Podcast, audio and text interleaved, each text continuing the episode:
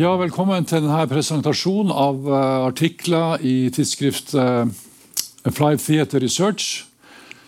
Uh, vi har fått anledning til å gi ut et spesialnummer av dette tidsskriftet med artikler fra et prosjekt Utforsk, der Høgskolen på Vestlandet samarbeider med Shanghai Theater Academy.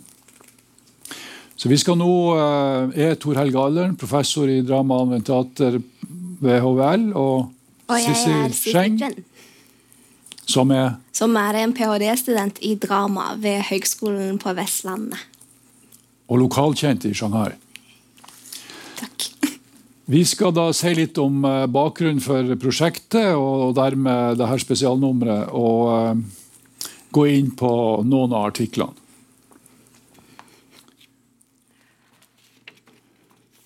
Det her Samarbeidet med Shanghai Theatre Academy er ca. 23 år gammelt. Det begynte med besøk i Shanghai av, eh, og kontakt gjennom internasjonale eh, dramaorganisasjoner som IDEA. Og i Fireia så var det første besøket fra HVL med Stig Eriksson og Kari Hegstad som, som begynte det her eh, arbeidet. Og Det førte da til en eh, gjenvisitt fra STA, Shanghai Theatre Academy, året etterpå, da en eh, formell avtale ble inngått. Og Så begynte det da å komme studenter. Det har alltid, alt vært et førtitall studenter som har vært på utveksling fra Shanghai til Bergen. I tre, perioder, i tre perioder ja, så var det masterstudenter som tok hele masteren sin og fem av de har gjennomført. Eh, I tillegg så har det vært studenter på, på bachelor. Eh, Dette programmet, Utforsk, har ikke åpna for hele mastere. sånn at her har studenter fra Shanghai og, og gjensidig fra Norge kunnet tatt et semester i, ved de respektive institusjonene. Det har vært kun én bachelor og én masterstudent i Kina fra oss. Men det har altså vært eh, eh, betraktelig flere fra, fra eh, STA til, til, Norge da, på bachelor og på to moduler på master. Og Sissi, ja. du var vel faktisk sjøl utveksling, utvekslingsstudent og kom, kom innenfor den første, første delen av programmet? Det stemmer. Det kan man si at jeg er på utveksling fremdeles. Okay. Og så Den veldig første gang, det var i 2011.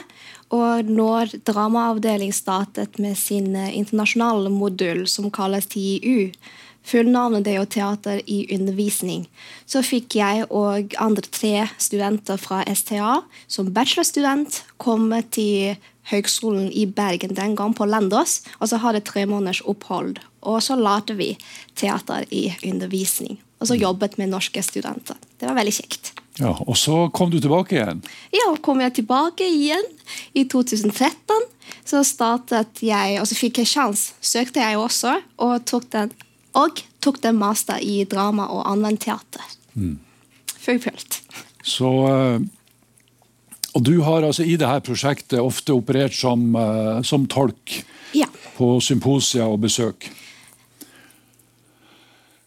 Men det har jo skjedd mer enn det her. Det har jo blitt eh, Blant annet så har jo Jon Fosse blitt eh, introdusert eh, i Shanghai og ved Shanghai Theatre Academy. Det er det jo Kari Hekstad som har gjort. og Hun hadde vel en, en workshop, og det her har jo ført til oversettelser av Jon Fosse til kinesisk. Og du har jo der ja, en samling. Vi har et eksempel av Fosse sin stykkesamling, og det er jo publisert i 2014. Og oversetteren heter Zolulu, Lulu, og hun er jo lærer på SDA. da. Så det vil si at det er et samarbeid, eh, oversettelsesprosjekt med SDA òg. Og har en eh, Kari sin eh, bok på kinesisk, 'Syv veier på drama'. Ja, Fosse ble jo æresdoktor ved SDA i 2019. Så han har slått veldig an i, Kina og, Shanghai og ved ved STA. I tillegg så er det jo andre prosjekt som har vært i Kina med HVL. Vi nevner her et eh, årlangt eh, prosjekt innenfor barnehage. Der førskole eller barnehagelærerstudenter fra STA og, og, lærere har vært på utveksling over flere måneder. Fortrinnsvis i Beijing-området. Det har også vært bl.a. pedagoger samarbeid med East China Normal University, ECNU, i Shanghai, innenfor noe som har blitt kalt for The Glocal Teacher. Så uh, det har altså vært et årelangt samarbeid med eh, akademisk miljø i Shanghai. Dette prosjektet, Utforsk, som er finansiert av eh, Direktoratet for internasjonalisering og kvalitetsutvikling, DIKU, det kom i gang i 2018. og uh, Der har jeg vært prosjektleder, eller koordinator fra norsk side. De inkluderer, i tillegg til uh, STA og HVL, etter noen år East China Normal University òg og såkalte ikke-akademiske partnere, som f.eks. DNS, Rothaugen skole og Bergen kommune i Norge. Og den i Shanghai, den Shanghai Dramatic Arts Center. Ja, Som er et profesjonelt teater i Shanghai. Ja. Eh, pluss ei videregående skole som er knytta til STA, og et TIU-kompani i Bergen. Drama X. Mm. Uh, Ideen er jo å både ha utveksling av lærere og studenter, fortrinnsvis uh, studenter. Det har vært lettere fra STA og hit enn omvendt. Uh, og, men det har, og det har jo stoppa opp under covid. Men i tillegg så har vi prøvd å jobbe med undervisning under covid nettbasert. Og vi har altså jobba med forskning Eh, gjennom presentasjoner på diverse symposium. Og det her er jo eh, bakgrunnen, de her symposiene, eh, for, for, de artiklene som nå er publisert. Men vi har også utvida kontaktnettet til Hangzhou og Yinan. I Yinan er det en tidligere masterstudent ved HVL som har hatt ansvar for seks dramapedagoger som underviser ved ei tilknyttet, skole tilknyttet Shandong University i, i Kina. Og hun er en av uh, artikkelforfatterne. Det skal vi komme tilbake til. Så, Sisi. Ja. Her har du Shanghai. Fortell. Gjerne. Her ser vi bildet av Shanghai, hvor jeg kommer fra. Og det er det samme byen jeg ble født i. Og uh, jeg hadde min oppvekst i Shanghai fram til jeg begynte å studere i Bergen. da. Mm. Og hvis vi ser på bildet og Shanghai er jo veldig kjent av elven Huangpu. Altså på kinesisk det er jo Huangpu-jiang. Det er jo en el elve som regner ut hele Shanghai.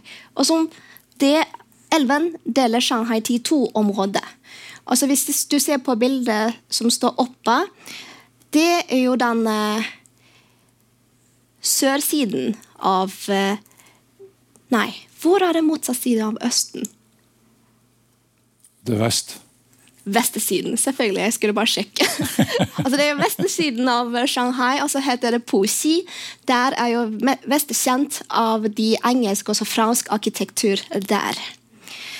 Og på den motsatte siden, den sør for Shanghai, ligger den økonomisk senter som heter Pudong. Hvis dere ser på den bildet som står nedover, altså hvor de ligger så tett bygningen. Altså det er jo den mest viktige økonomiske senter i verden nå, for å si det sånn. Og Før eh, revolusjonen så var jo de franske og engelske vi kan si kolonimakten veldig sterkt til stede. og Du har jo et stort byområde, French Concession, som, som ennå i dag er veldig prega av, uh, av uh, ja, den type arkitektur og, og, og den, det, sånt, sånt, miljø som, som, var da, som er, er med små butikker f.eks. Og, ja. og de områdene, eh, har jo fremdeles det navnet. Det French Concessions. Ja. Men eh, vi skal ikke dvele for mye med det. Vi skal videre.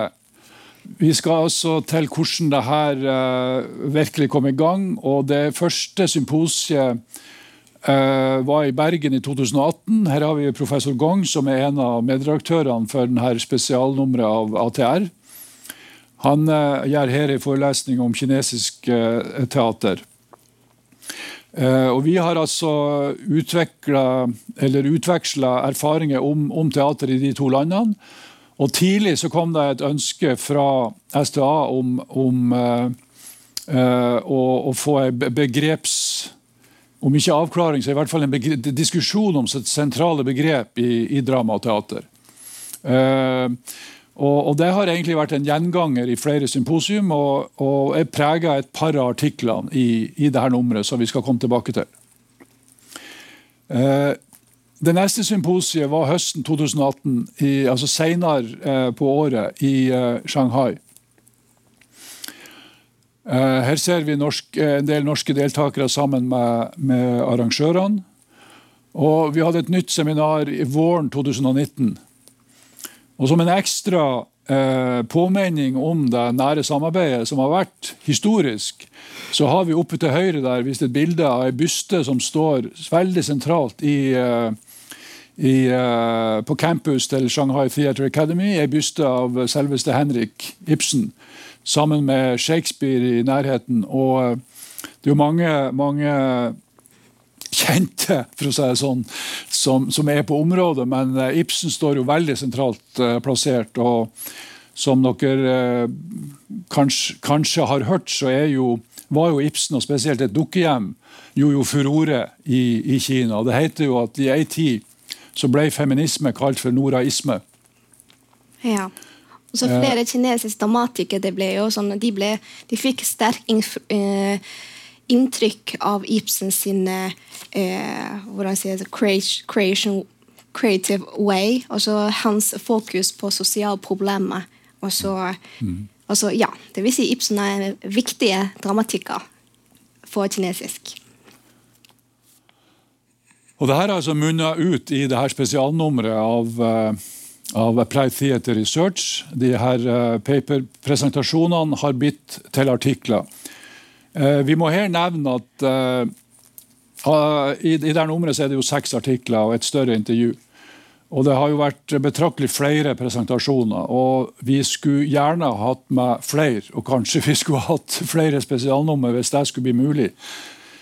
Men bl.a. pga. språkproblem og, og vi kan si uh, ulike tradisjoner når det gjelder å skrive uh, vitenskapelige artikler, så har uh, dessverre for få av de kinesiske bidragene bitt til artikler. Vi skulle gjerne hatt flere av de. Men sånn er det nå. Resultatet er nå det som foreligger. Og vi skal gå litt i, i gjennom de. Men dere ser det jo kanskje ikke her, da, men vi har av artiklene en uh, det vi kaller en key-artikkel, som, uh, som jeg har skrevet sammen med Sissi og Stig Eriksson, som heter Educational Drama, Traditional Chinese Culture and Current Government Policies. Så har Sissif og Adam Chiboli på HVL skrevet en artikkel What can translation of key terms reveal about understandings of drama education in China. Og Det er jo en som går akkurat inn på denne begrepsdiskusjonen som jeg nevnte i sted. Det gjør også neste artikkel, som eh, Stig Eriksson og jeg har skrevet, 'Conceptions of Drama and Theatre'. Eh, så har vi tre, De tre neste artiklene går mer på praktisk arbeid med drama i de to landene. Eh, den fjerde artikkelen heter 'Educational Drama in Norway from Cultural Expression to Curriculum Element'. Og Den uh, jeg starter med norrøn kultur og vikingtida, går oppover til læreplaner i, i, i nåtida i Norge. Og Så har Stig Eriksson skrevet en artikkel sammen med Shu Yun fra STA. 'From short story to process drama, a Chinese and a Norwegian classroom approach'. Og til slutt uh, The Opportunities and Challenges of Drama in Education in Chinese Kindergartens av Yu Wang og to kollegaer av henne fra Jian i Shandong. Og så har vi et stort intervju med, med Li Yingning, som er, som er dramatiker og, og, en pioner innenfor dramapedagogikk i Kina. Og eh, vi skal komme innom de her litt, eh, litt eh, Noen mer omfattende enn andre i denne presentasjonen. Den, den første artikkelen er altså den, den, eh, den her om educational drama, traditional Chinese culture and current government policies. I denne eh, artikkelen eh, presenterer vi først den historiske bakgrunnen for moralsk utdanning i kinesisk historie, kan vi si, kinesisk kultur. Og Da viser vi til en flere tusenårig historie. Altså Allerede et par, nesten et par tusen år før vår tidsregning så fantes det utdanning i Kina i, uh, under Shang-dynastiet. Uh, I hvert fall en, uh, 1700 år før vår tidsregning. Og med ei begynnende moralsk utdanning innenfor det som etter hvert ble utdanning av administratorer i, i imperiet. da eller i keiserriket. Uh, eh, så med Konfusius, eh, som vel lever omtrent på Sokrates' tid i Europa, så er det ei, befesting kan man si, av moralsk utdanning. Selv om ikke begrepet heter deju, da, som vi vel finner ut er et moderne begrep, men innholdsmessig så dekker det av det som skjedde. Uh, og, og den, Det systemet under Konfusius kan vi si har prega kinesisk utdanning siden da, altså de neste 2000 årene. Så eh, på, på, bakgrunn av det her så redegjør vi videre for eh, regjeringas strategier i nyere tid for estetiske fag, for drama og, og moralsk utdanning. Og Sissi, kan du si litt om det? Ja, og i den moderne tid og utdanningen i Kina, det er jo kan du si, det er jo fem hovedområder. da. Altså Det er moralsk utdanning og intellektuell utdanning, dvs. Si lære om kunnskap. Og så fysisk læring. Så estetisk utdanning og eh, den siste labory, altså lære å gjøre ting Og så til å arbeide, kan du si. Altså, de er jo fem utdanningsområder. Altså, den hele nasjonale læreplanen det er jo eh, designet på de fem områdene. Og siden, som, som Tord Heggen nevnte i stedet, moralsk utdanning hadde jo den hovedfokus i utdanning siden så, siden de gamle dagene. Og så nå i dag, Moralsk utdanning er jo på den første prioriter med tenke på kinesisk utdanning generelt. Og siden 2015 og regjeringen lanserte jo en ny politikk. altså De vil la mer fokus på estetisk utdanning. Det vil si at på en måte de vil ha flere percentage of arts education i skole. Og på samtidig de vil foreslå å, å, å ha sånn interdisciplinary teaching. Det vil si at har flere kunstutdanning i faglige opplæring, i skolefag f.eks. Og til og med moralsk utdanning. Så, så det fins en eh, naturlig hvordan sier, naturlige eh, det føles naturlig å se muligheten å kombinere moralsk utdanning og estetisk utdanning per i dag i skolen. Også det syns vi at eh, vi har funnet noe interessant resultat. Ja, og, og, en av de tingene som vi har funnet, er at uh, denne langvarige tradisjonen med moralsk utdanning også har vært knyttet til et ideologisk, politisk aspekt. Uh, det har rett og slett vært en del av moralsk utdanning. og og eh, eh, knytte seg til det systemet som, som har vært. Så, så, du kan si det, det nye med kommunistpartiet, ledelsen, eh, fortsetter en tradisjon der, der de, de, eh, de styrende eh, begrunner sin, sin, eh, sin, rolle i samfunnet. I, I, Kina så er jo kommunistpartiet som statsbærende parti skrevet inn i Grunnloven. Og, og, det, og der er, kan vi si, fortsetter en tradisjon med at uh, politisk makt og politisk ideologi er en del av moralsk utdanning. Og Det igjen syns vi er interessant, fordi at hvis vi tenker på hvordan demokrati eh, oppsto og utvikla seg i Europa, i, i, Hellas, så det veldig mye knytta til oppløsning av klansystemet. Det var helt vesentlig i utviklinga av europeisk demokrati i, i Hellas at, eh, at klanene ble, eh, ble, oppløst, og i stedet ble det etablert ti stammer som, som gikk på tvers av det gamle aristokratiet og, og de gamle klanene og var liksom en forbindelse mellom kyst, sentrum og innland. Og ti sånne stammer uh, var, var, vesentlig for å opp, si, oppløse det gamle aristokratiets makt. Men klansystemet har blitt bevart i Kina. Og, og en av de tingene som man, man ser der gjentatt i, er jo den sterke forbindelsen til, til uh, forfedre. Og forfedrekulturen og kulten. Og eh, på, på, mange måter som, eh, som klansystemet har fortsatt, så er det en, en, del av det som blir kalt den, den østlige eh, tradisjonen i, no, i, noen sammenhenger. Og har, har prega eh, Kina og an, andre land i, i området. Eh, så Derfor har, har, har, noen kalt demokratibegrepet i kinesisk sammenheng eh, litt, litt, forskjellig fra det vi oppfatter knytta til en slags individuell ytringsfrihet. I en kollektiv kultur så blir demokrati egentlig vel så mye forstått som en effektiv måte å administrere på.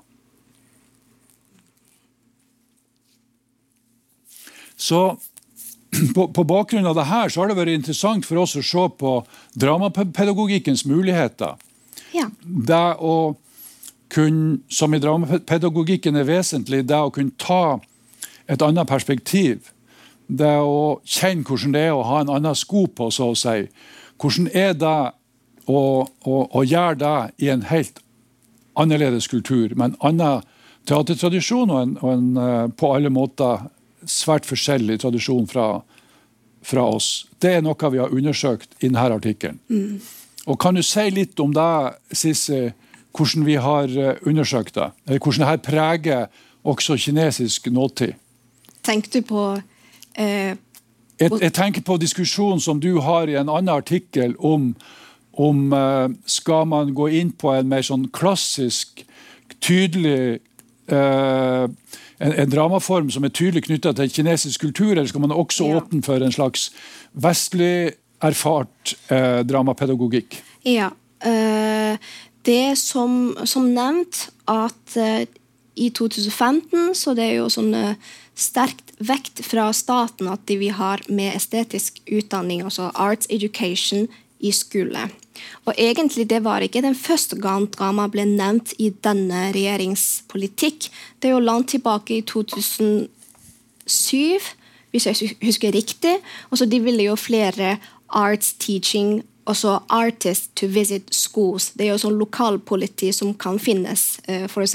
i Shanghai. Det er jo flere politikk angående dette spesifikt. Og siden den gang altså Det ble en, et Eh, det ble jo et store interesse til å introdusere kinesisk opera til kinesisk skole.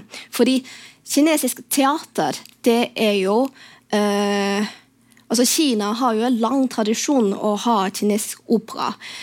En av de sjangerne heter Beijing opera, som Peking opera. Det er bare én type av den. Det fins faktisk nær 300 levende typer i Kina. Altså alle spilleformer og uh, melodien, så teknikken, bevegelser, det er jo helt annerledes. Det er jo en veldig stort pakke med teatertyper.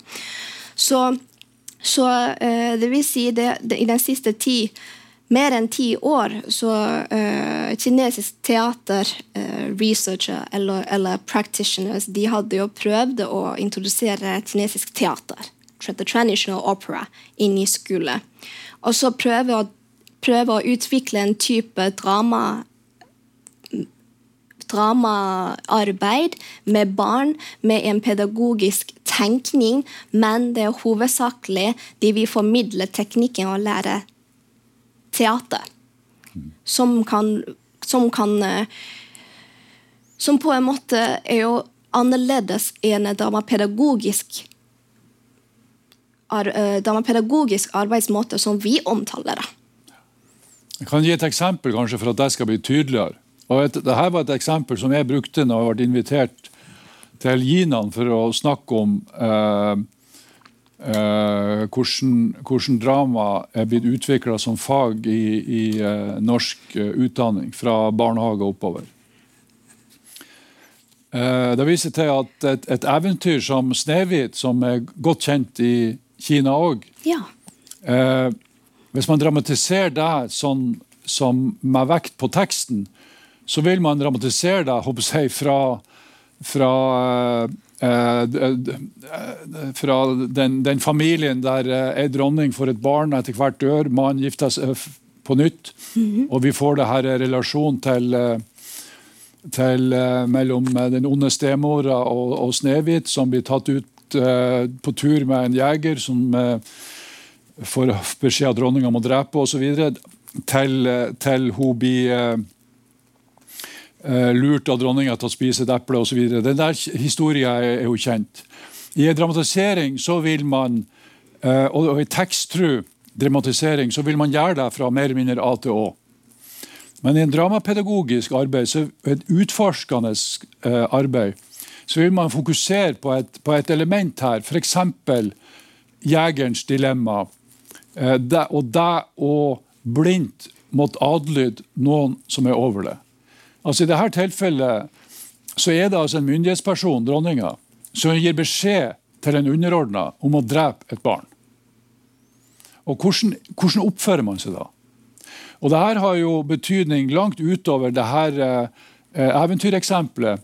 For det er egentlig noe universelt i det. Hvordan er det når noen overordna ber det begå en kriminell handling? Det kan være en, eh, en, en eldre unge eller en mer en, en unge i en barnehage som, som, ber en annen om å ta noe på kjøkkenet, eller fra en annen unge, til i, i større samfunnsmessig eh, betydning. Eh, og det la jeg vekt på som, som et eksempel på hvordan dramapedagogisk utforskende arbeid er. Mm. Uh, og uh, det var veldig interessant i kjølvannet av det her å se at det her ble jo streama til fem andre campus, og da vi var på ei skole etterpå, så det her, var det her tydeligvis diskutert. Og, og, en av de tingene som en inspektør la vekt på, var jo hvordan eh, denne type utforskende drama handla om empati og det å kunne, kunne eh, motvirke mobbing, f.eks. ved å forstå posisjonen til noen andre. Så det, det, denne type drama lurer vi på er det plass for det når man regjering, på regjeringsnivå snakker om drama i kinesisk skole. Og da er det jo en en uh, form for drama som kalles for drama. Mm. Som, uh, har, som, har, fått, som er utvikla ved SDA, og som har fått stor, godt gjennomslag. Og som er et tydelig alternativ til et utforskende eh, dramapedagogisk arbeid. Fordi den er tekstnær, fordi den legger vekt på teknikk, ja. og fordi den er fokusert på å lage små forestillinger effektivt i løpet av én skoletime. Mm. Og på samtidig, det er jo basert på kinesisk tradisjonell opera, kan du si. Mye tekst er jo hentet fra uh, de kjent Chinese opera-stykket og musikk. Så, så, det her diskuterer vi, og derfor så vil jeg si at denne artikkelen er viktig, fordi den inngår nå i en aktuell debatt i Kina om hva slags type drama skal det åpnes for i kinesisk skole, nå som regjeringa nettopp åpner for drama, og vi spør hvordan drama. Og vi argumenterer for at det bør være plass til begge. Ja begge formene. da. Mm. Uh, og Sissi, ja? du har jo sjøl gjort forsøk med drama i kinesisk skole. Ja, det gjorde Fortell! jeg. Det, ja, på bildet Folk ser jo at jeg kler en Jeg har en frakk på meg, så det var kanskje tydelig, eller kanskje litt uklar, at jeg var i en rolle.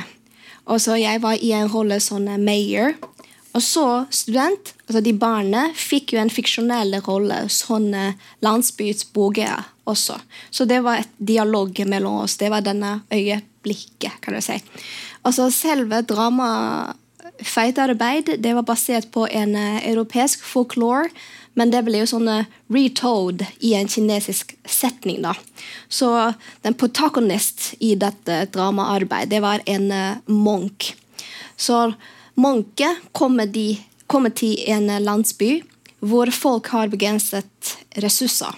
Kan vi, kan vi, bare smette inn at ja. den, denne fortellinga, steinsuppa, er en variant som vi kjenner som spikersuppa i Norge? Ja, faktisk. Det er Flere kulturer har det samme fortellinga, kan du si. Så når innbyggere som har begrenset ressurser, så hva skulle vi gjøre når en ukjent folk kom til byen og ber om hjelp? Skulle vi dele? Eller skal vi tenke på oss sjøl først? Sånn en kollektiv eh, gruppe. At ja, selvfølgelig noen sier at vi bør tenke på vi, hvordan vi skal leve på. Altså, nei, vi hjelper ikke. Altså, jo, altså, vi skulle hjelpe, fordi det er en monk, det er en gammel folk. Altså, er person som trenger hjelp. Så lærer jeg i rollen prøve å være i mayors rolle til å stimulere samtalen, samtalen mellom eh, innbyggere, og så hjelpe altså, Kanskje ikke hjelpe, de hjelper meg til å, til å si, hjelpe meg til å tenke hva som jeg skulle stille spørsmål òg i den fiksjonen. Det er den prosessuelle arbeidsmåte. Ja, og, og, og, det her handler jo om moralsk utdanning. Et, et ja. aspekt, Nemlig synet på andre mennesker. Skal man hjelpe hvis man sjøl er fattig? Skal man hjelpe når det er vanskelig å hjelpe? Stemmer. Eller skal man bare hjelpe når man har overskudd? Så De, de her spørsmålene blir eh, blir elevene eh, konfrontert med. Og da er altså, vi kan si Lærdommen fra dramapedagogikken er jo at det viktigste er ikke hva de bestemmer seg for i fiksjon, men at de blir konfrontert med at sånne type dilemmaer fins. Og da, da, er det noe man kan fortsette å reflektere over og, og komme tilbake til. Men så er vi Sissi, da er vi kommet til eh, den artikkelen der du har uh, hovedansvaret. Stemmer. Vi har vært inne på den, men kan du si litt, uh, litt kort om den? Ja, og selve selve forskningsproblemstilling av artikkelen ble den, den tittelen av artikkelen. What can the translation of key terms reveal about the understanding of drama education in China? Altså initiativ til å lage, altså til å undersøke eh, betydning og forståelse. Det er jo pga. at jeg hadde jobbet som tolk. Og så har jeg opplevd vanskelighet til å oversette drama, teater, dramapedagogikk, teaterpedagogikk, anvendt drama, anvendt teater. Altså disse begrepene til kinesisk. Og en grunn det er jo at på kinesisk vi skiller ikke drama og teater. Det er jo ett kinesisk begrep som består av to kinesiske tegn. Det er dette begrepet vi bruker til å eh, oversette drama og teater. Og, og det, det begrepet heter? Xiju. Mm. Så eh, jeg og min medforfatter, altså min Adam Siboli, han er jo en eh, internasjonalt Eh, kjent forsker. og så Han eh, har jobbet som tolk òg. Så vi begge føler at oversettelse spiller rolle eh, i en akademisk utvekslingskontekst. Så vi fikk lyst å undersøke. Så det vi gjort, vi så på Vi fant ut de Finner frem de 26 eh, boka handler om dramapedagogikk og anvendt teater, som ble oversatt til kinesisk. Så de originale bøker vi ser på, det er jo, uh, de fleste var jo på engelsk, og noen på norsk. Så til og med Kari sin bok, som ble utgitt i 2019. Og så det vi fant ut, er jo at flere begreper altså Vi finner at det samme kinesisk uttrykk er brukt til å oversette helt forskjellige dramapraksis. Jeg gir et konkret eksempel. Så på den vestre side, dvs. Si, eh, det er en kinesisk, latinsk måte å, å, å beskrive kinesisk tegn. Da. Så det, På den første linje, xiju, det er en kinesisk begrep. Men det kan bety drama, dramatikk, dramatisk og teater. Altså Der finner vi problem. Eh, altså, som nevnt, drama og teater de deler et samme kinesisk begrep. Altså Hvis vi går til den tredje linje, xiju jiaoyu altså Det kunne bety drama, drama education, drama education, educational drama, educational theater and drama. Drama in education, altså forkortelse DIE, og dramapedagogikk. Og hvis eh, vi diskuterer med folk fra dramafagfeltet, de vil jo kanskje finne ut at ok, alle disse eh, originalbegrepet det ligger jo på forskjellige nivåer. Det vil si Dramapedagogikk det er jo et stort felt, og så anvendt til at det er et stort, felt. Men likevel, altså forskjellig praksis det har jo sine forskjellige dimensjoner. Men tenk på, eh, men tenk på definasjon. Og det er den hovedresultatet vi fant ut. Ok, det eksisterer mange ganske mye eh, forskjellige måter å oversette som kan være forvirrende. Vi har gått videre på det her i neste artikkel, 'Conceptions of Drama and Theatre'. Uh, da har vi sett på hvordan uh, f.eks. en Selve dramabegrepet Vi går inn på etymologien. det skal jeg ikke gjenta her. Men vi har sett at vi ser på at, at, begrepet drama i hvert fall har tre betydninger i, i europeisk sammenheng. Det kan, det kan brukes som som et overordna begrep som inkluderer teater. Det, gjøres jo f.eks. I, i, eh, i antropologisk innretta litteratur, som f.eks. Victor Turner, og som snakker om det sosiale dramaet. Og, og, og, der teater blir nærmest som en sjanger innenfor dramaet. Eh, mer vanlig, kan man si, i akademia har det jo vært å se på teater som det overordna begrepet.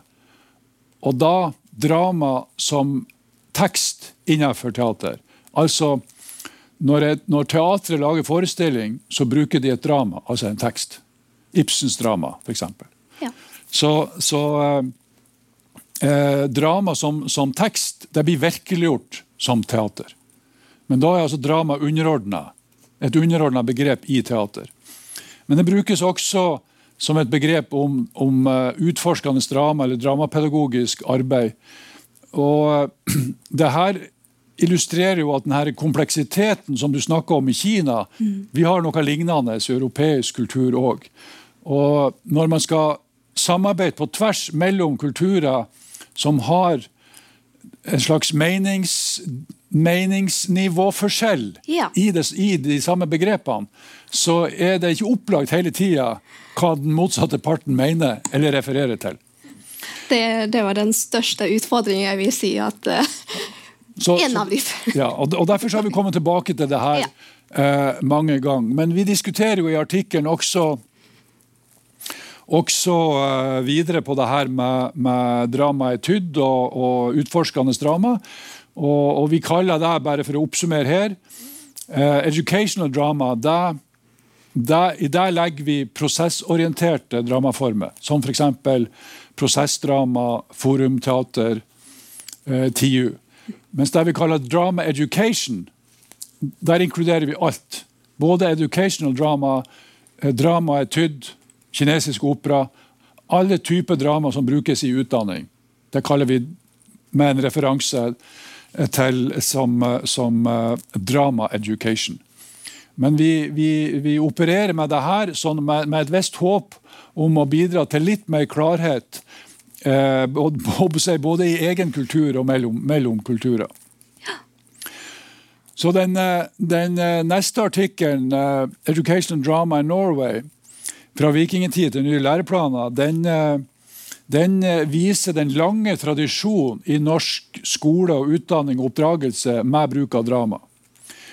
Uh, med vi kan si pietismen som et slags tydelig brudd. Og Det var jo for veldig interessant, syns vi, da, at i en lang periode så brukte latinskolen i flere hundre år så brukte latinskolen romerske komedier egentlig hedensk drama i kristen språkopplæring for å lære seg latin. Eh, men med pietismen så kommer det jo et vesentlig brudd. Og Samtidig så kan vi også nevne at det første kjente teater, offisielle teater i Norge var jo en skoleteaterforestilling her i Bergen med Absalon Beyer. Vi går inn på de her tradisjonene og hvordan tidene har skifta, og hvordan drama har blitt plassert i, i nye læreplaner.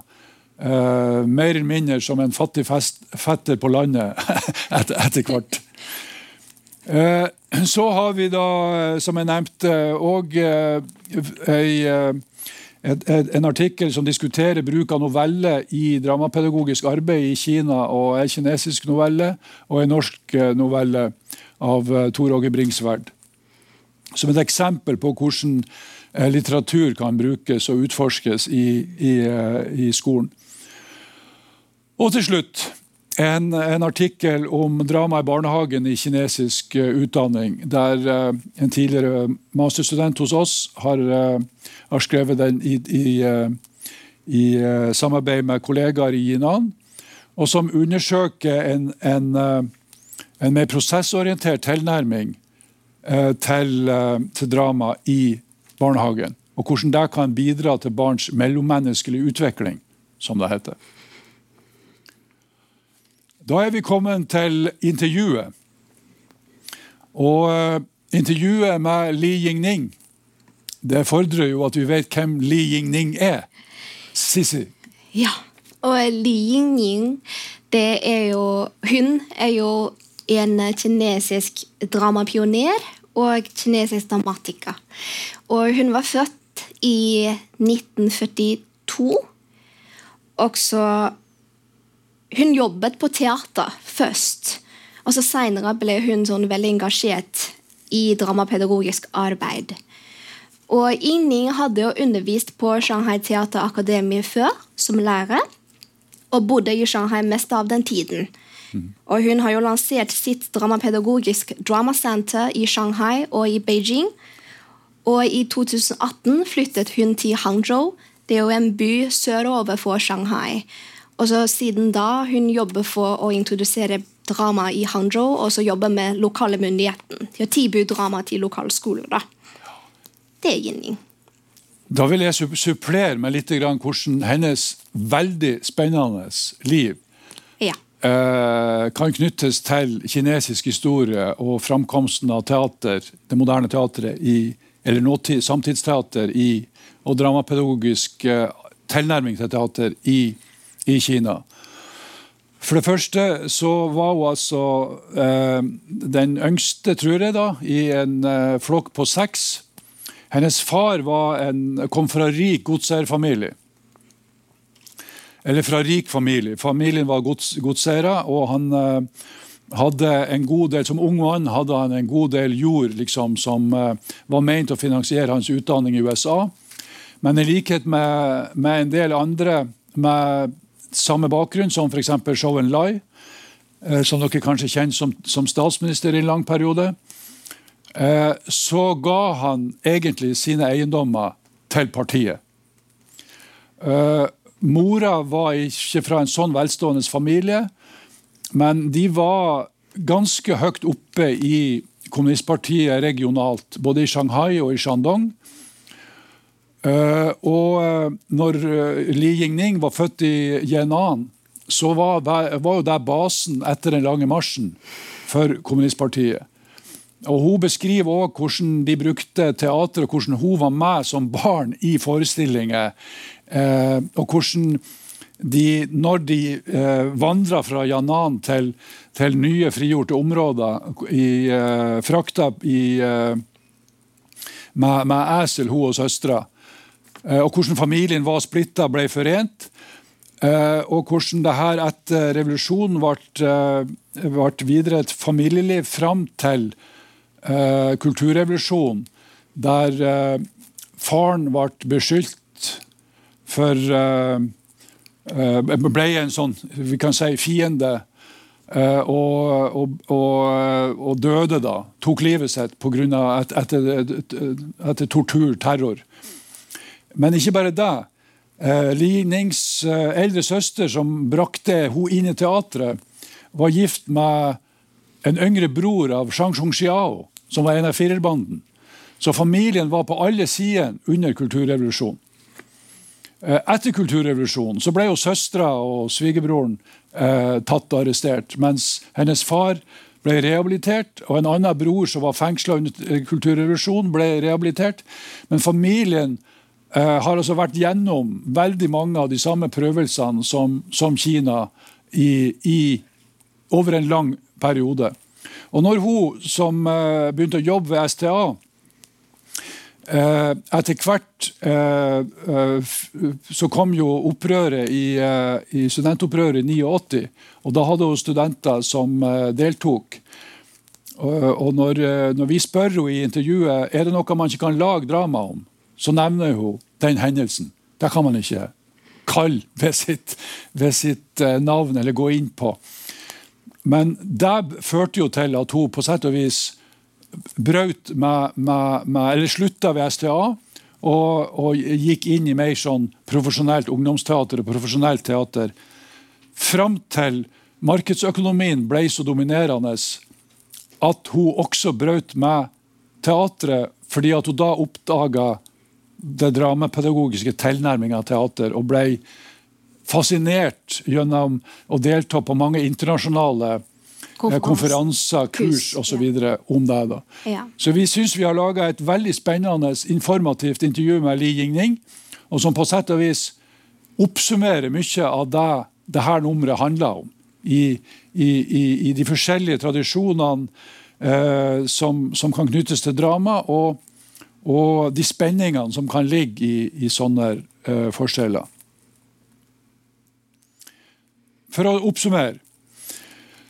Vi syns at vi har vært med på et veldig spennende prosjekt, og, og det har på sett og vis hoved, har kulminert eller blitt, blitt, blitt sammenfatta med denne utgivelsen, som reflekterer mange sider ved prosjektet, ikke alt, og det som har vært diskutert.